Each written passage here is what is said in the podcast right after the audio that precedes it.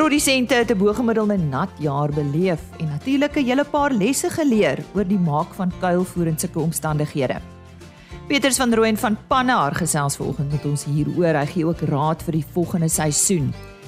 Dan word die International Fresh Produce Association se Suider-Afrika konferensie hierdie week in Kaapstad aangebied.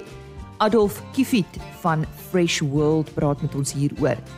Dan bied beide die Afrika Droughtmaster Beestelersgenootskap en die Senepol Beestelersgenootskap op 20 Augustus hul veilinge aan. Ons gesels onder meer met Gert Barnard en Thomas Stewart oor wat hulle beplan.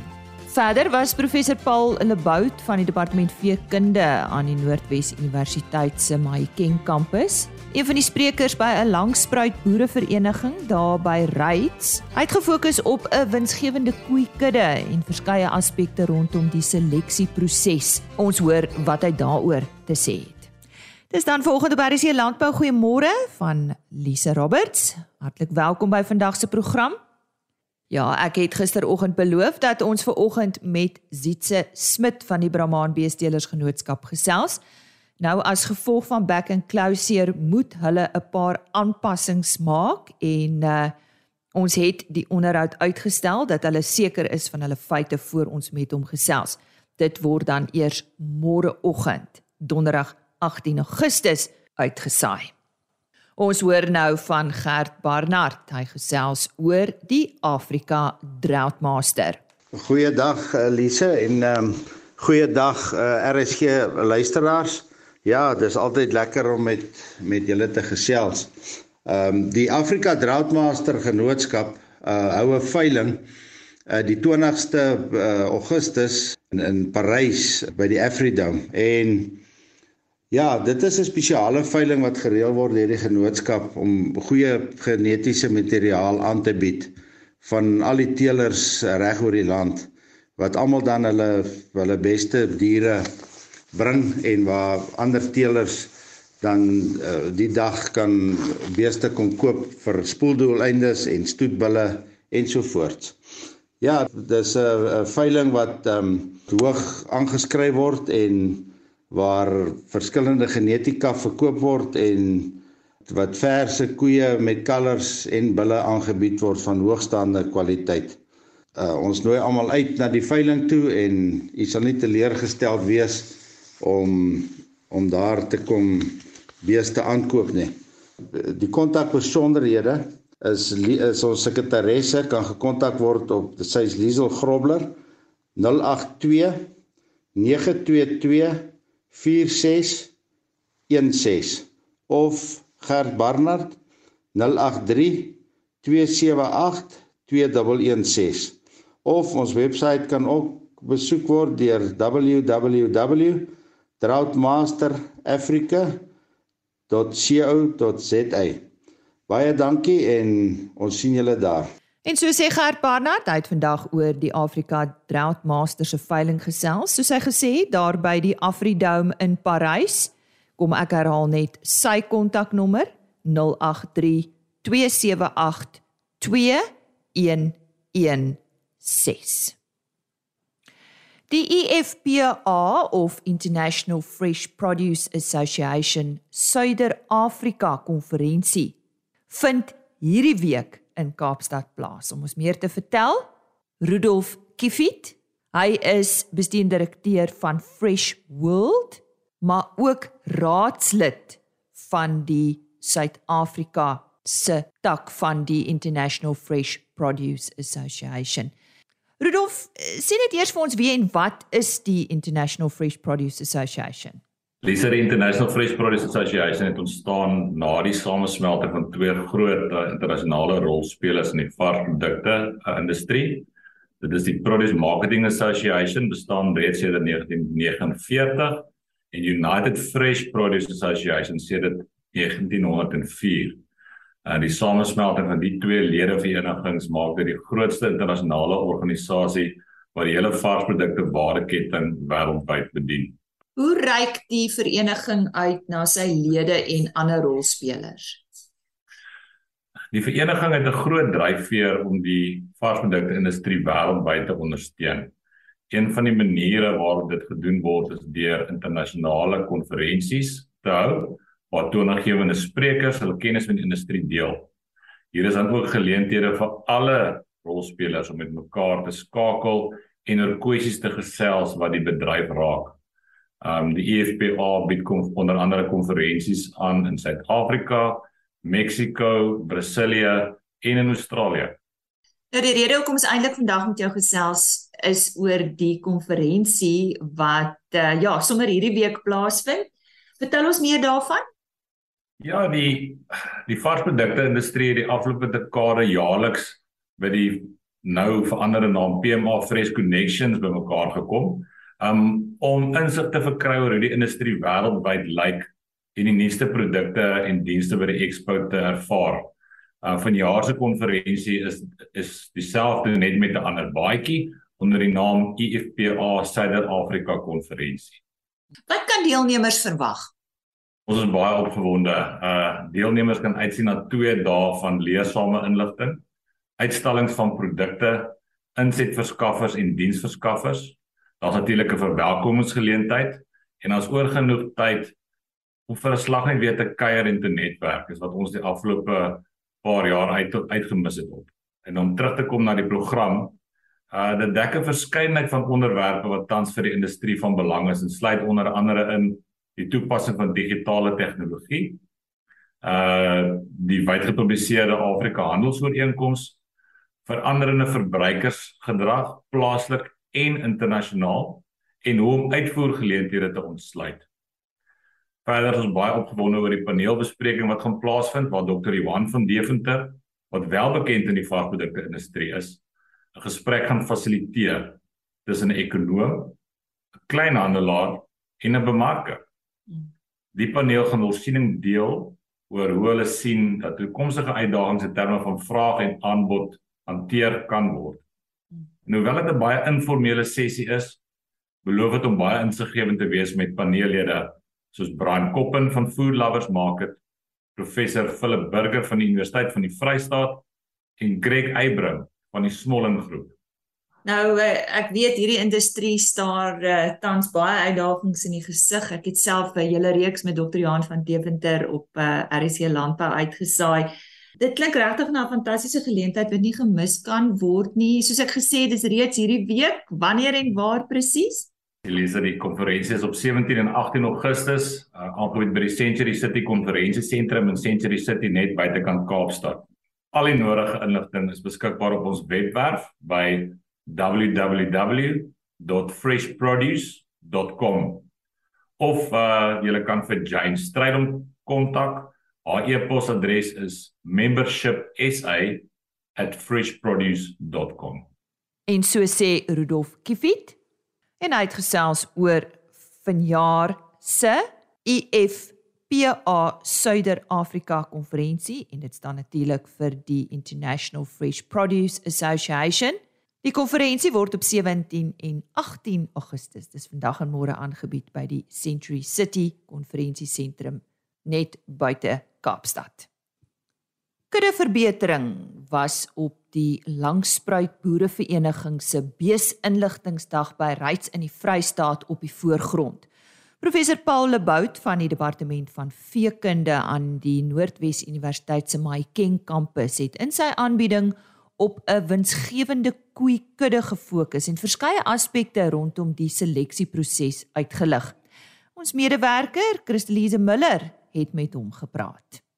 Prof, goeiedag, is lekker om met prof te gesels. Ja, dit is lekker om hier in die Vrystaat te wees. Prof het gekyk na hoe om 'n winsgewende koeikudde te verseker. Voor ons daarby uitkom, wat is die belang van 'n koeikudde met beesproduksie. Dit word soms bietjie onderskat. Ja, ek dink dit word hoofsaaklik afgeskeep. Ek wil nie eens praat van onderskat nie. Want as jy dink dat die koeie eet 70% van al die gras op die plaas en van die lek en alles, dan is dit 'n baie belangrike bron om ordentlik te bestuur om te sorg dat jy daai kostes van daai koeikudde minimiseer terwyl jy die optimale hoeveelheid kilogramme rooi vleis per hektaar produseer. Professor het sekere uh, punte uitgewys as ons kyk na koeikuddes en reproduksie is erfbaar. Ja, kyk, as ons as ons kyk na die die die belangrikste faktor is dit draai als om reproduksie. En omdat die erfbaarheid van reproduksie laag is, drink baie boere dis nie die moeite werd om vir reproduksie te selekteer nie want as mens nou dink die erfbaarheid van reproduksie is 10% en die erfbaarheid van sê maar voorspeense groei is 21% dan sal baie van die boere sê maar ek kan vinnig vordering maak met groei maar wat gaan ek nou doen met reproduksie en dan vertel meeste mense nee maar dan moet jy kruis steel en baie meeste van ons kommersiële boere is maar hulle boer maar met hulle 'n kommersiële bonsmara kudde of 'n kommersiële brangus kudde of brahman kudde. So hulle sien nie eintlik uh die oplossing in die kruissteel stelsel nie maar hulle hulle sien nog nie kans om eintlik die reproduksie want almal ehm um, dui aan dat dit dat dit eintlik ehm um, moeilik is om daarvoor te selekteer. Professor, waarvoor moet daar nog geselekteer word? Veral as ons kyk na tussenkalfperiodes. Ja, kyk ek dink die as ons na interkalfperiode kyk, die eerste ding wat ons eintlik na moet kyk, ons is geneig omdat ons baie na die bulle kyk, selekteer in en ons is baie gefokus op die groei en die groei in die voerkraal, is ons geneig dat dit is die hooffaktore wat ook uh gebeur in die koeie omdat die bulle wat ons gebruik hoë groei het, het die het die koeie ook hoë groei. En dis eintlik nie wat ons wil hê nie. Ons wil eintlik 'n gemiddelde groei op die koeie hê en dat hulle nie later geslagsryp word nie en eintlik die kleiner koei maak die groter wins. So as mens koeie het van om en by 450 kg as jy die kalf speen dan is dit ongeveer waar ons wil wees. Dit as jy dit sou omsit, dan sou jy omtrent 'n 500 550 kg koei hê as hy swaardragtig is. So dit kom eintlik daarop neer die hoogste EBV's is nie altyd die uitgemaakte saak nie. Ja, ek dink dit is dit is een van die probleme omdat ons nie soos baie ander lande fokus baie meer op die moederlyne want dis eintlik wat jou geld maak is ons meer geneig om op die bulle te fokus wat die groeilyne is. En dan op die ou end het dit die gevolg dat ons vroulike diere ook al hoe groter en al hoe later ryp word wat eintlik 'n negatiewe effek is. Terwyl ons eintlik kruissteeling in daai opsig uh beter kan benut om daai tipe verbeterings te kry. As ons kyk na die werk van uh Dr Magiel Skols en Prof Frikkie Neser dan wys dit dat as jy byvoorbeeld van ons inheemse rasse kruis met ons uh ingevoerde rasse, dan kry jy omtrent 12 tot 13% verbetering in reproduksie en 'n 23% verbetering in groei. So jy sou baie vinniger vordering maak deur sulke kruisdeling te doen as om dit met 'n suiwer ras te probeer regkry. En in terme van koei en kalf verhouding? Ja, ek dink die koei kalf verhouding is 'n is 'n is 'n hoe sê mense is 'n groot diskussie 'n onderwerp onder die boere. En eintlik is dit 'n moeilike diskussie onderwerp want mens kan eintlik nie op verhoudings selekteer nie want is jy nou besig om vir groter kalvers te selekteer of is jy nou besig om vir kleiner koeie te selekteer? So die beginsel is is jy moet dit gaan opdeel en dit is hoekom ons vandag in die stoetstelsels in Suid-Afrika volwasse koei gewig meet sowel as die kalf gewig sodat ons die twee komponente en as ons nou kyk wat ander lande al reg gekry het deur byvoorbeeld koeigewig met 12 kg te la, laat sak en speengewig met 10 of 12 kg op te gaan, dan het mens werklik die doeltreffendheid van die koeie verbeter. So daar is moontlikhede vandag om die tegnologie te gebruik en dan sit ons ook vandag dat daar genomiese teelwaardes beskikbaar is waar reproduksie laag is, kan mens die genomika en die teelwaardes gebruik met die stambome om baie akkurater syfers te kry wat byvoorbeeld 10 of 15 jaar gelede nie moontlik was nie. En waak teen dubbelbespiering, dis 'n groot nee nee. Ja, ek dink um, dubbelbespiering het nou die laaste tyd opgekom en ek dink wat die mense nie besef nie is dat daar daar is 'n aantal rasse wat wat dubbelbespiering dra en hulle het 'n rol te speel in vleisproduksie uh deur die vorm in die vorm van terminale kruise. Wat nou by ons gebeur het is dat ons boere hou die van die vroulike nageslag en op daai manier het hierdie dubbelbespiering gene waarvan daar 'n legio is in ons beesrasse ingekom en sommige van hierdie gene kom nou al dat daar 2 of 3 gene in van ons sintetiese rasse is. En die nadeel is is dat hierdie ehm um, hierdie dubbelbespiering alhoewel dit 'n 'n verbetering in karkas en uitslagpersentasies het dit ook 'n aantal negatiewe effekte. Dit veroorsaak dat meer proteïen in spiere ingesit word en dan ontwikkel die diere se longe nie, hulle hart ontwikkel nie, hulle geslagsorgane ontwikkel nie en mens kan dit baie sien met die kleiner testicles van die dubbelbespierde diere. En wat dan gebeur is is is dan het ons diere nie meer konstitusie nie want hulle het nie die vermoë om dan groot hoeveelhede van ons swak kwaliteit rifoer te verteer nie en dit ook nie die vermoë om um, te reproduseer nie want omdat hulle baie later vet aansit word die vroulike diere op 'n baie hoër gewig en op 'n baie later ouderdom word hulle produktief. En dit het 'n negatiewe effek op ons uh, rooi vleis kilogramme per hektaar. So professor, as ons alles saamvat ten opsigte van koeikuddes en die gehalte van koeikuddes en hoe hoe jy dit uitbou, wat is die boodskap wat 'n professor wil oordra aan produsente? Nou kyk, die eerste ding wat ek wil oordra is dat vrugbaarheid is tussen 5 en 10 keer meer belangrik as enige ander eienskap waarvoor jy kan selekteer of dit nou uh groei is of dit nou voer omset is, wat dit ook al is, so hy is meer belangrik. Die tweede ding is is is dat die groot die hoogste teelwaarde is nie altyd die regte antwoord nie. Jy moet gaan kyk watter diere en wat is hulle wat se groei vermoë kan jy uh, onder jou huidige toestande. So dis ook 'n kwessie van balans. Jy moet die jy moet jy moet gaan kyk watter diere by jou werk en dan moet jy daai diere probeer teel en op, op daai manier want jou koeikudde moet aangepas wees by jou plaaslike toestande en dan as jy dan die hoër groei of die beter om beter pryse vir jou kalvers dan moet jy liewer kruisteling oorweeg om kalvers te produseer vir die voerkrale of vir jou eie bedryf as jy dit dan so wil doen. Professor Paul Lebout van die departement van veekunde aan die Noordwes Universiteit se Mahikeng kampus wat met Christelise Miller gesels het. Op 20 Augustus vind die Senepol Beestelersgenootskap se veiling ook plaas. Goeiemôre Lisa, Thomas Stewart van die Senepol Beestelersgenootskap van Suid-Afrika. Ek wil graag 'n paar feite deel oor die Senepol ras wat 21 jaar gelede uit Zimbabwe uit in Suid-Afrika ingebring is en kort daarna weens die politieke probleme in Zimbabwe eintlik daar tot niet gegaan het. Ons het uh, van die aanvanklike troppie van omtrent 25 wat die land ingekom het is het dit gegroei tot 'n getal van so 4000 wat tans op stamboek geregistreer is.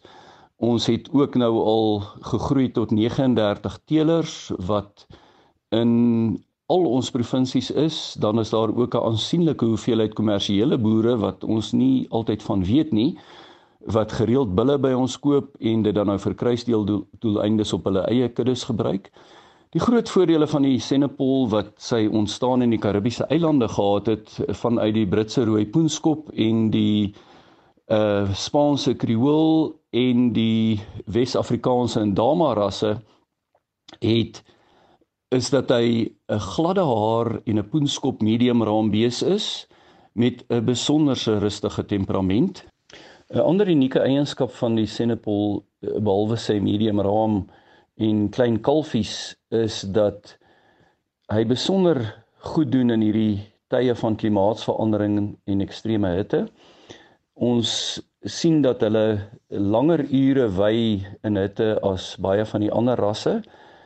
Verder is dit 'n uh, Bostaurus wat eintlik baie van die eienskappe van die Bos indicus uh, rasse het dit is die enigste ras wat ons van bewus is wat die sogenaamde dubbele gladde haar geen het wat natuurlik veroorsaak dat jy dat die dier min, meer insekweerstandig is uh weens sy gladde hare. Waar word die veiling gehou?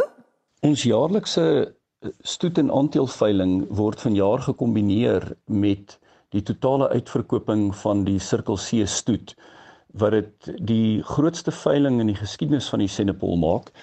Ons het 60 bulle, 60 koeie uh 35 verse en 50 kommersiële diere wat te koop aangebied word op die Sirkel C plaas tussen Excelsior en Verkeerde Vlei so 40 km van die N1 af in die Vrystaat. Thomas, wie bied vir julle die veiling aan?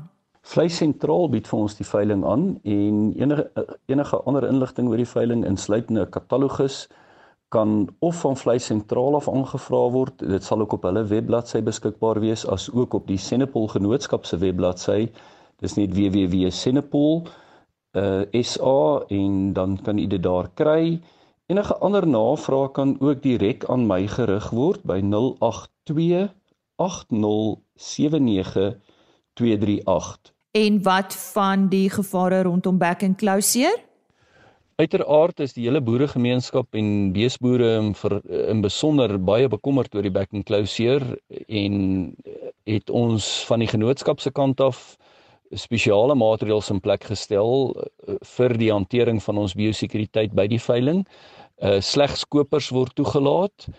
Alle voertuie wat die terrein binnekom gaan ontsmet word. Alle diere word voor hulle na die veiling toe kom deur 'n veearts geïnspekteer en gesertifiseer as skoon van uh, back and closure as ook die plase waarvan af dit kom. En die uh, mense self wat na die veiling toe kom word ook ontsmet. So al die moontlike sanitasie uh pogings wat ons kan aanwend uh het ons in plek gestel om die maksimum biosekuriteit by die veiling en met ons ras en beeste te verseker. En uh, so gesels Thomas Stewart oor die Senepol genootskap se stoet en aanteelveiling van 20 Augustus by die Circle C Ranches in Excelsior en kom ek herhaal net Thomas Stewart se selfoonnommer 082 807 9238 Ons uh, gesels nou met Pannar en onder meer met Petrus van Rooyen. Hy is hulle verkoopsbestuurder in KwaZulu-Natal en in die Wes-Kaap as ook hulle produkbestuurder van veidings. Nou ons onderwerp baie gepas want uh, eersdaags word die wenners van die nasionale kuilvoer kompetisie bekend gemaak. Petrus, môre, kom ons kyk so 'n bietjie terug na 2021-2022. Hoe dinge daar gelyk. Môre Lise, uh, baie dankie vir die geleentheid. Ja, na 'n baie nat seisoen met vele uitdagings wat ondervind was met die sny van kuilvoer in land, sal boere moet herbesin oor produkkeuse om hulle risiko's te versprei. Daar was oor die afgelope tyd baie boere wat hulle praktyke aangepas het om vroeër kultivars te plant sodat hulle vroeër groenvoer vir die winter kan saai nadat hulle die mielies ingekuil het. En soms het hulle 'n volle area, met ander woorde die totale oppervlakte van die aanplanting met vinnige groeiers of vroeër blomtipes geplant. In die afgelope seisoen het boere onkant gevang deur al die reën en daar's nou 'n gaping in hulle voervloei as gevolg van voertekorte deurdat kuilvoer nie gesny kon word nie. En wat voorspel julle vir die volgende jaar, dis nou 2022-2023? As mens na al die voorspellings luister van die kenners oor die weer, lyk dit of daar nog 'n nat jaar gaan wees en dan sal boere definitief hulle beplanning moet aanpas, soos bo genoem. En die verskillende snydatum van die verskillende groei families vir kuilvoer mag dalk relatief groot klink, maar in die praktyk wissel dit maar van 10 tot 15 dae. En hierdie tyd kan 'n reuse verskil maak om kuilvoer in die gat te kry teen die beste moontlike kwaliteit en opbrengs vir al die boere. So watse aanbevelings het jy of dalk 'n paar riglyne vir die seisoen wat eh, wat kom? Ja, wat ons dan graag wil vir die boere aanbeveel is dat waar enigstens moontlik kan hulle gedeelte van die oppervlak vir kuilvoerproduksie wat hulle beplan met 'n langer groeier tipe te plant. Die produk moet ook geskik wees vir graanproduksie want indien die kuilvoer nie gesny kan word nie, kan die boer altyd nog die uh, produk uh, stroop en hy kan die graan lewer vir inkomste om dan weer voer mee te koop. En dit sal ook sy snyvenster verleng, aangesien die produkte nie so vinnig sny gereed is as die korter groeiers nie. Maar jy moet veral gelet word op plantestand. Boere plant gewoonlik 'n bietjie hoër stand vir kuilvoer dat die risiko nie te hoog raak indien die kuilvoer nie kan gesny word nie, dat die mielie sal omval nie. En dan sal ons ook aanbeveel dat die kultivar wat die beste graanopbrengs in jou gebied lewer, ook maar geplant moet word om ook meer kuilvoer te maak. En dit is gewoonlik jou uh, langer planttipes of later groeiers soos die 4 en 5 groeiklasprodukte. Watter uitdagings is daar as dit kom by kuilvoer maak, Petrus? Dis 'n baie breë vraag, maar om net een of twee te noem, die grootste probleem van die meeste produsente is natuurlik die kontrakteur wat die gewas moet inkuil kontrakteur as hy nie die volle aanplank of die volle uh, area kan inkuil met die eerste keer nie, kom hulle gewoonlik nie terug om weer te kom sny nie. Want dit is uit baie hoë kostes om al die masjiene te skuif en die kontrakteur is gewoonlik onder druk om al die mense se kuilvoer betyds in die put te kry. En dan ondervind ons ook dat groter produsente hulle eie toerusting aanskaf en dit sal natuurlik jou risiko verminder uh, as jy jou eie kuilvoer kan sny die regte tyd vir die beste kwaliteit. Wat is van die huidige praktyke wat toegepas word? Ja, die praktyk is soos dat boere wel twee verskillende groeiprodukte plant om hulle risiko te versprei en de, so word die snyprosesse kompleksiteit oorkom dat langer groeiers eers geplant word en korter groeiers dieselfde tyd daarna kan ingekuil word as hulle tweede aangeplant word. Maar by die natseisoen sal die opsie nie die nodige risiko verskans nie, maar kan 'n dubbeldoeltipe wel 'n opsie wees soos ek vroeër genoem het. Watter rol speel vogbestuur? Met die twee natseisoene wat mekaar opvolg, hoop ons werklik dat boere 'n wintergewas gesaai het na hulle kuilvoer gesny het. Daai wintergewas sal die vog in die lande gebruik en dan sal die lande hoër wees as planttyd aan, aankom. Maar met die huidige reënpatrone sien ons dat dit seker weer uitdaging sal wees. Maar in die groenvoer dan nie benut kon word nie of die gewas wat geplant is, sal dit terselfdertyd ook 'n uitstekende organiese materiaal aanvulling in die grond wees wat ingewerk kan word vir grondgesondheid. Gesels bietjie met ons om hier af te sluit eh, Petrus en baie dankie vir al daardie inligting wat jy vir ons gegee het oor kuilvoer kwaliteit. Soos jy almal sekerlik sal weet, is die kwaliteit van kuilvoer gesny word die beste op 35% droë materiaal inhoud en dit neem drasties af in vogte laag daal en dieselfde geld ook families wat te nat ingekuil word. Aangesien nie net kwaliteit laag is maar fermentasieproses ook negatief beïnvloed word. En as 'n mens kyk na die kostes van kuilvoer maak, dink ek is dit belangrik dat boere kyk na kwaliteit wat hulle uiteindelik in die gat kry. En dan is in ook die lande natuurlik net so belangrik wanneer die kuilvoer gemaak word. Daar's verskillende produkte op die mark, kies die regte produk wat pas by die praktyke op die plaas sodat die beste kwaliteit voer aan diere gegee kan word om maksimum produksie te verseker. Dis natuurlik belangrik dat uh, ons uh, luisteraars moet weet indien hulle graag met jou oor hierdie onderwerp wil gesels of uh, een van julle ander streeksverteenwoordigers in hulle streek uh waar kan ons meer inligting kry en hoe kan ons met julle kontak maak um, om um, om jy af te sluit dankie Petrus. Uh baie dankie. Ja, daar is op ons wet, webwerf al die kontakbesonderhede van al ons uh verteenwoordigers en bestuurders en ook van myself. Jy kan kyk op www.panar.com en uh, dan wens ons al die beste toe van die vir die boerdery vorentoe en ons by Panar is daar om u by te staan met die boerdery en saam boer ons vir die toekoms. Baie dankie. Daar sê so sê Petrus van der Rooyen. Hy is van Panar, hulle verkoopsbestuurder vir KwaZulu-Natal en die Wes-Kaap en hy's ook produkbestuurder van veidings by Panar. Kom ek herhaal net daardie webtuiste www.panar.com. Dis dan vandag se program. Ons gesels dan weer môre. Totsiens. RSG Landbou is 'n plaas media produksie met regisseur en aanbieder Lize Roberts en tegniese ondersteuning deur Jolande Rooi.